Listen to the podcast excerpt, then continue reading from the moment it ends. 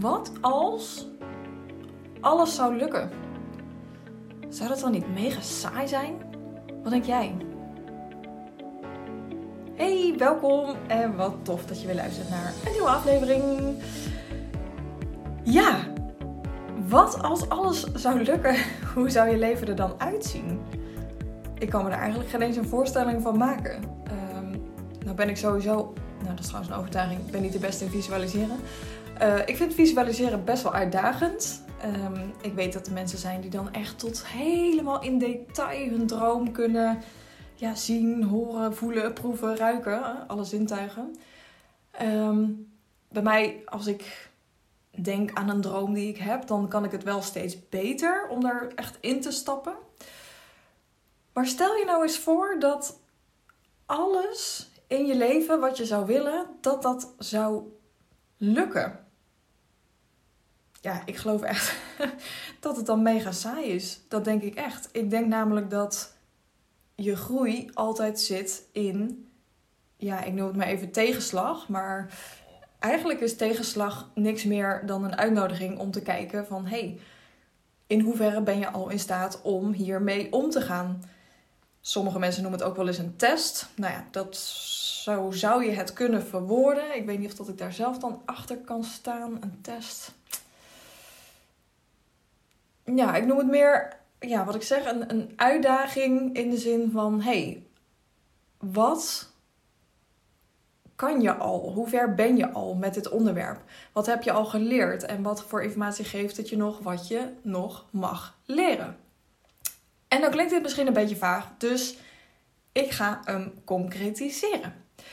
En dat doe ik aan de hand van mijn eigen leven. Maar natuurlijk wil ik jou uitnodigen om ja, eruit te halen voor jezelf wat het is voor jouw leven. Kijk, want wat ik straks met je ga bespreken, dat is mijn, ehm, ja, ik noem het wel eens mijn levensthema. Maar ik heb gisteren van mijn coach gehoord dat ik dat eigenlijk niet zo mag noemen. um, maar ja, trek eens één op één de parallel door naar jouw eigen leven. Dus wat speelt er bij jou in je leven, wat iedere keer weer terugkomt? En luister met dat oor naar mijn verhaal. Want wat is het geval? Nou ja, als je de podcast van gisteren hebt geluisterd, dan heb je een uh, berichtenreeks gehoord tussen Roos op het Holt en tussen mij. En mocht je trouwens de aflevering niet hebben geluisterd, ik zou hem zeker even luisteren, want hij is echt vet waardevol. Er zit zoveel wijsheid in wat Roos met je deelt.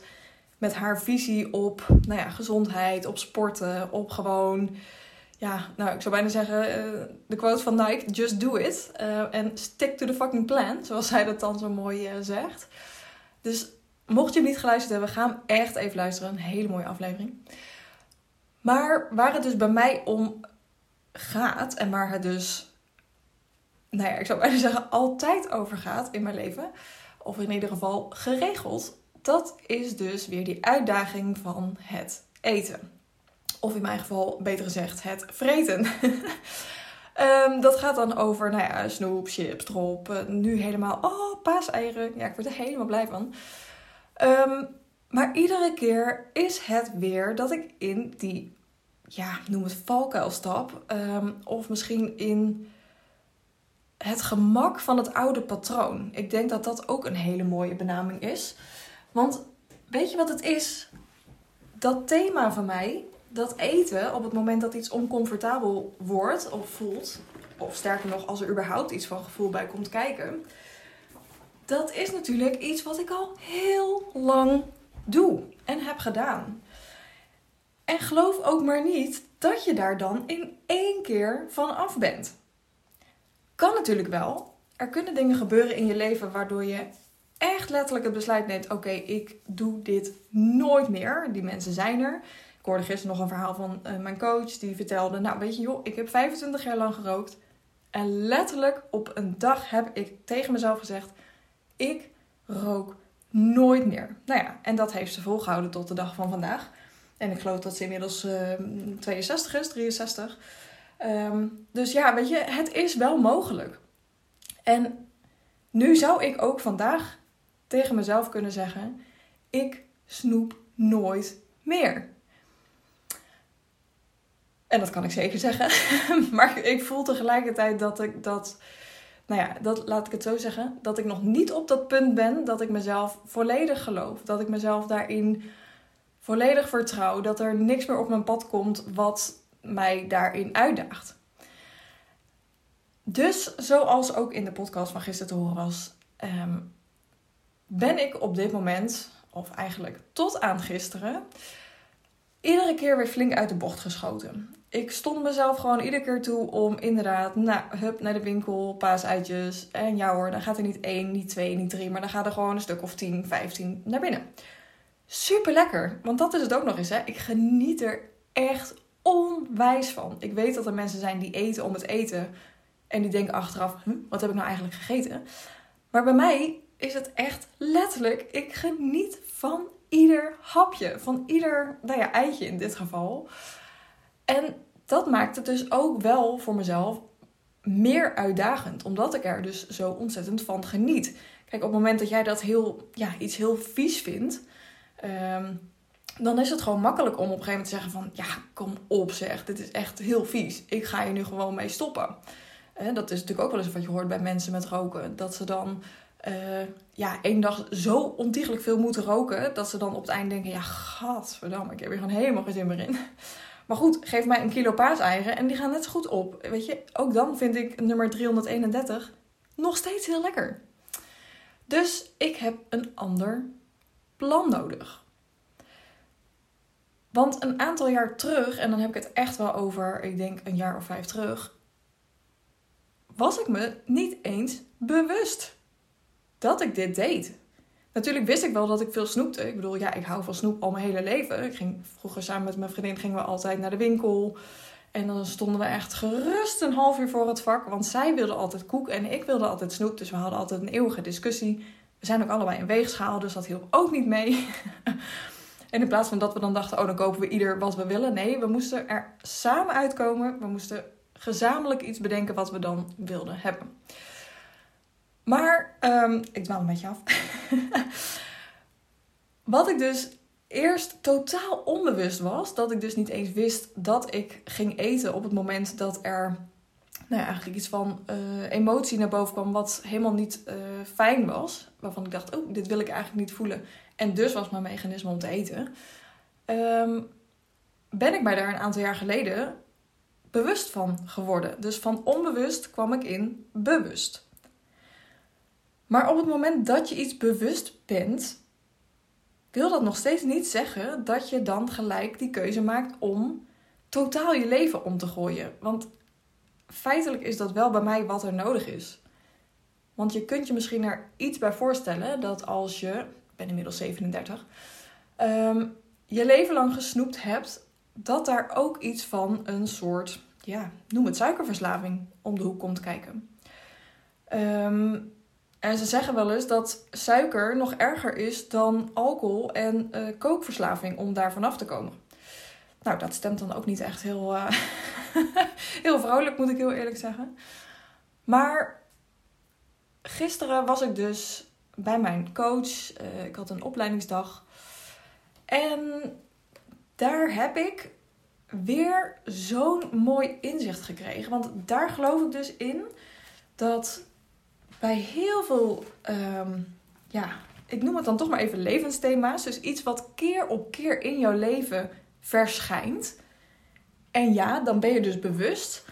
Maar dat er dus telkens weer een soort laag dieper um, ja, zichtbaar wordt eigenlijk. Hè? Of voelbaar, of net welke term dat je daar aan geeft.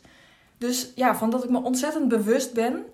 Dat ik ook letterlijk weet op de momenten dat ik het doe. Hè? Dat ik naar iets ongezonds uh, pak. Iets ongezonds pak.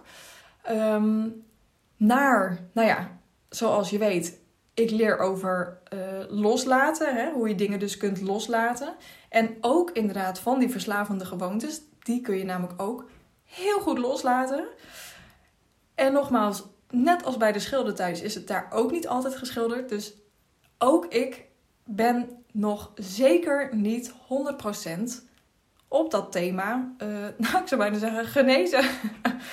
maar ik heb het ook niet 100% onder controle. Ja, en moet dat? Nou ja, dat is natuurlijk een andere vraag. Maar wat ik voor mezelf wil, is dat ik de volledige uh, vrijheid voel om zelf te bepalen wanneer ik wel of niet ga snoepen. En nu is het vaak nog dat het ja, min of meer gewoon gebeurt. Hè? Dat patroon van er gebeurt iets en ik ga eten, dat is nog, ja, die koppeling is gewoon nog zo sterk. Dus daar heb ik werk te doen om meer en meer die koppeling tussen dat nou ja, voelen en het eten, uh, om die dus los te laten. En gisteren bij mijn coach had ik dus weer een ontzettend mooi inzicht. En ik zit hem even nu terug te zoeken. Um, even kijken hoor. Want nou ja, het ging dus over loslaten van hey, er gebeurt iets, dan ga ik eten. En ik sta mezelf dat dus ook toe. Hè? Want ik bedoel, ja, je kan ook op een gegeven moment gewoon zeggen: Oké, nou kappen met dat gezeik. En je gaat het gewoon niet doen. Ehm, maar wat ik dus bij mezelf nog merk, is dat ik het mezelf dus ook toesta. En wat je dus wil, is ruimte creëren tussen dat moment dat je het doet en net voordat je het gaat doen. Want daar wil je naartoe, naar dat moment net voordat je die keuze gaat maken. En dat kan dus ook alleen maar als je heel erg zelfbewust bent. Als jij dus bewust bent wat voor jou dat moment is. En zover ben ik inmiddels wel dat ik hartstikke goed weet wanneer ik dit doe. Dus waar het een aantal jaar geleden echt totaal onbewust was, dat ik eigenlijk ja, niet eens bewust was dat ik dan naar de kast liep en hè, vervolgens dat ging eten, uh, weer achter mijn laptop ging zitten en weer aan iets moest beginnen wat eigenlijk niet comfortabel voelde. Dat, dat is dan een mooi voorbeeld hoe dat het bij mij werkt. Ehm, ja, weet ik nu echt wel hoe dat werkt. Dat ik dat dan doe. En dan is het gewoon fijn als je een coach hebt. Dat is ook echt mijn eigen ervaring. En je wordt weer even op scherp gezet. Van, oh ja, ja, ik doe het weer. Ik zit weer eigenlijk net een punt te ver. Hè? Het zit al in mijn mond. En wat ik wil is terug naar dat punt waar ik nog die keuze heb. En dat inzicht van gisteren, wat ik wel een hele mooie vond. En dat is interessant om bij jouzelf ook eens te onderzoeken. Bij wat bij jou speelt in je leven. Want het is dat vertrouwde gevoel wat, wat zo fijn is.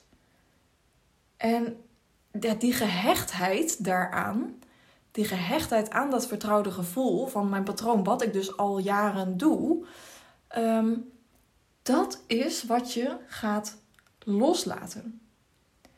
En als je dus kunt zien, want dat is natuurlijk ook wat ik mijn klanten leer, dat het maar een gevoel is. In dit geval wel een vertrouwd gevoel. Dus het voelt heel fijn, het voelt heel veilig. Maar dat kan je dus loslaten. Dus in mijn geval is het, en dat vond ik zo'n mooie zin die ik voor mezelf opschreef. En dat was misschien wel het inzicht van de dag gisteren. Het is het idee dat ik veilig ben als ik eet. En natuurlijk, als je teruggaat naar de oertijd, naar de echte basisbehoeften, dan klinkt dat helemaal niet zo heel gek. Hè? Want als je geen eten had, ja, dan ga je er vanzelf een keer aan. Maar ja, als ik kijk naar mezelf, weet je, in die tijd leven we niet meer. Hè? Ik bedoel, uh, ja, je hoeft je kont maar te keren of de koelkast open te trekken en er is wel weer eten in het zicht. Dus ik vond hem heel gek bij mezelf. Dat ik dacht, hè, het idee dat ik veilig ben als ik eet. Maar het gaat dus om dat vertrouwde gevoel van mijn patroon. En dan weet je dus van hé, hey, als dus dat vertrouwde gevoel er is, en ik denk dat jij dat dan bij jezelf ook wel herkent, of in ieder geval dat je je daar dan nu bewust van wordt.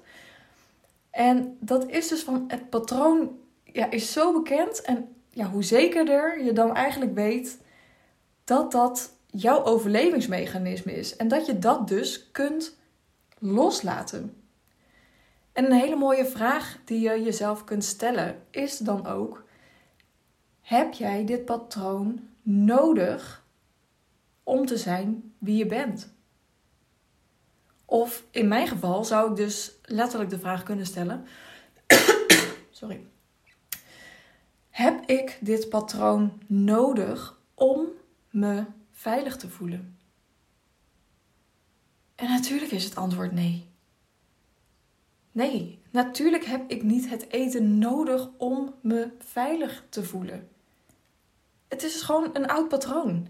Want ik ben al veilig. Snap je? Dus alles wat ik me daarvoor vertel is maar een verhaal. Het is niet de waarheid. En dat kan je loslaten.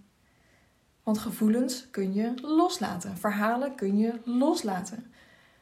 En wat er overblijft is ultieme rust. En de ultieme vrijheid is niet die afhankelijkheid meer hebben van dat eten. Het niet meer nodig hebben. Daar zit voor mij de vrijheid in. Ultieme vrijheid, kan ik jezelf zeggen. En al die inzichten van gisteren die ik dan weer heb gekregen en waar ik echt zo ontzettend blij voor ben, dat maakt dat ik de keuze heb gemaakt om 30 dagen suikervrij te gaan. Ook met het oog op dat het dus al niet zo lekker ging met, uh, nou ja, in september de fotoshoot. Ik moet iets aangaan met mezelf. Ik moet een challenge aangaan. En dat is de challenge die ik met mezelf aanga. En ik ga een hele kleine uitzondering maken. Want als je mij een beetje volgt, dan weet je dat ik echt één guilty pleasure heb. En dat is echt iets wat ik me gun. Eén keer per dag wil ik die latte macchiato drinken. en ik weet het, want hij is van Dolce Gusto. Dus ik weet, er zit, nou ja, ik geloof 7 gram suiker uh, per uh, kopje in. En dat is wat ik mezelf wel ga gunnen. Dus ja, 30 dagen suikervrij. Um, en nee, hij klopt niet helemaal. maar ik wil het ook voor mezelf. Um, hoe moet ik dat zeggen? Ik wil dit vol kunnen houden. En ik voel dat dit iets is um, waardoor me dat gaat lukken omdat ik weet dat ik me dan zo kan verheugen op die kop. Dat ik daar de hele dag naar kan uitkijken. Dat ik die einde middag ga drinken. Want s'avonds drink ik geen koffie. Ehm, maar nou ja, uiterlijk voor drie uur middags wil ik hem dan uh, drinken. En dat is wat ik ga doen. En misschien luister je deze podcast en denk je: Yes, Jut, ik doe mee. Oh, stuur me dan alsjeblieft even een berichtje. Want dan, ja, samen is gewoon zoveel sterker. Dat weet ik inmiddels ook. Hè. Je hoeft het niet alleen te doen. Dus bij deze de oproep, als je tot hier luistert, stuur me alsjeblieft een berichtje als je ook maar enigszins een verlangen voelt bij jezelf om ook suikervrij te zijn. Dus het is vandaag maandag 11 april. Het is voor jou dinsdag als je deze podcast luistert. Maar voor mij is het maandag 11 april, 19.30 uur. En bij deze de belofte aan mezelf, aan jou, een beetje accountability, dat ik 30 dagen suikervrij ga. Doe je mee? Ik zou het zo tof vinden. nou ja, ik zou zeggen, ga eens kijken wat jij voor jezelf uit deze podcast kan halen als je dit verhaal van mij hoort.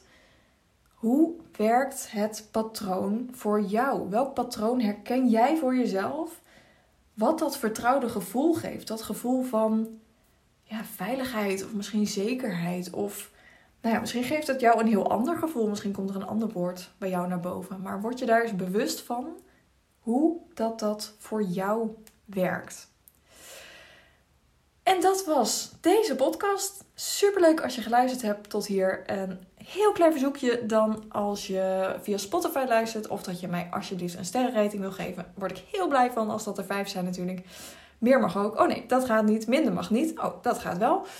Um, nou ja, vijf vind ik natuurlijk fantastisch. Maar doe het vooral wat jij vindt dat deze podcast jou aan waarde biedt. Want daar gaat het natuurlijk om dat ik jou waarde wil bieden met deze podcast.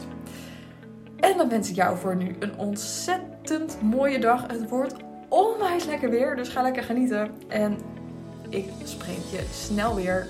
Doei doei!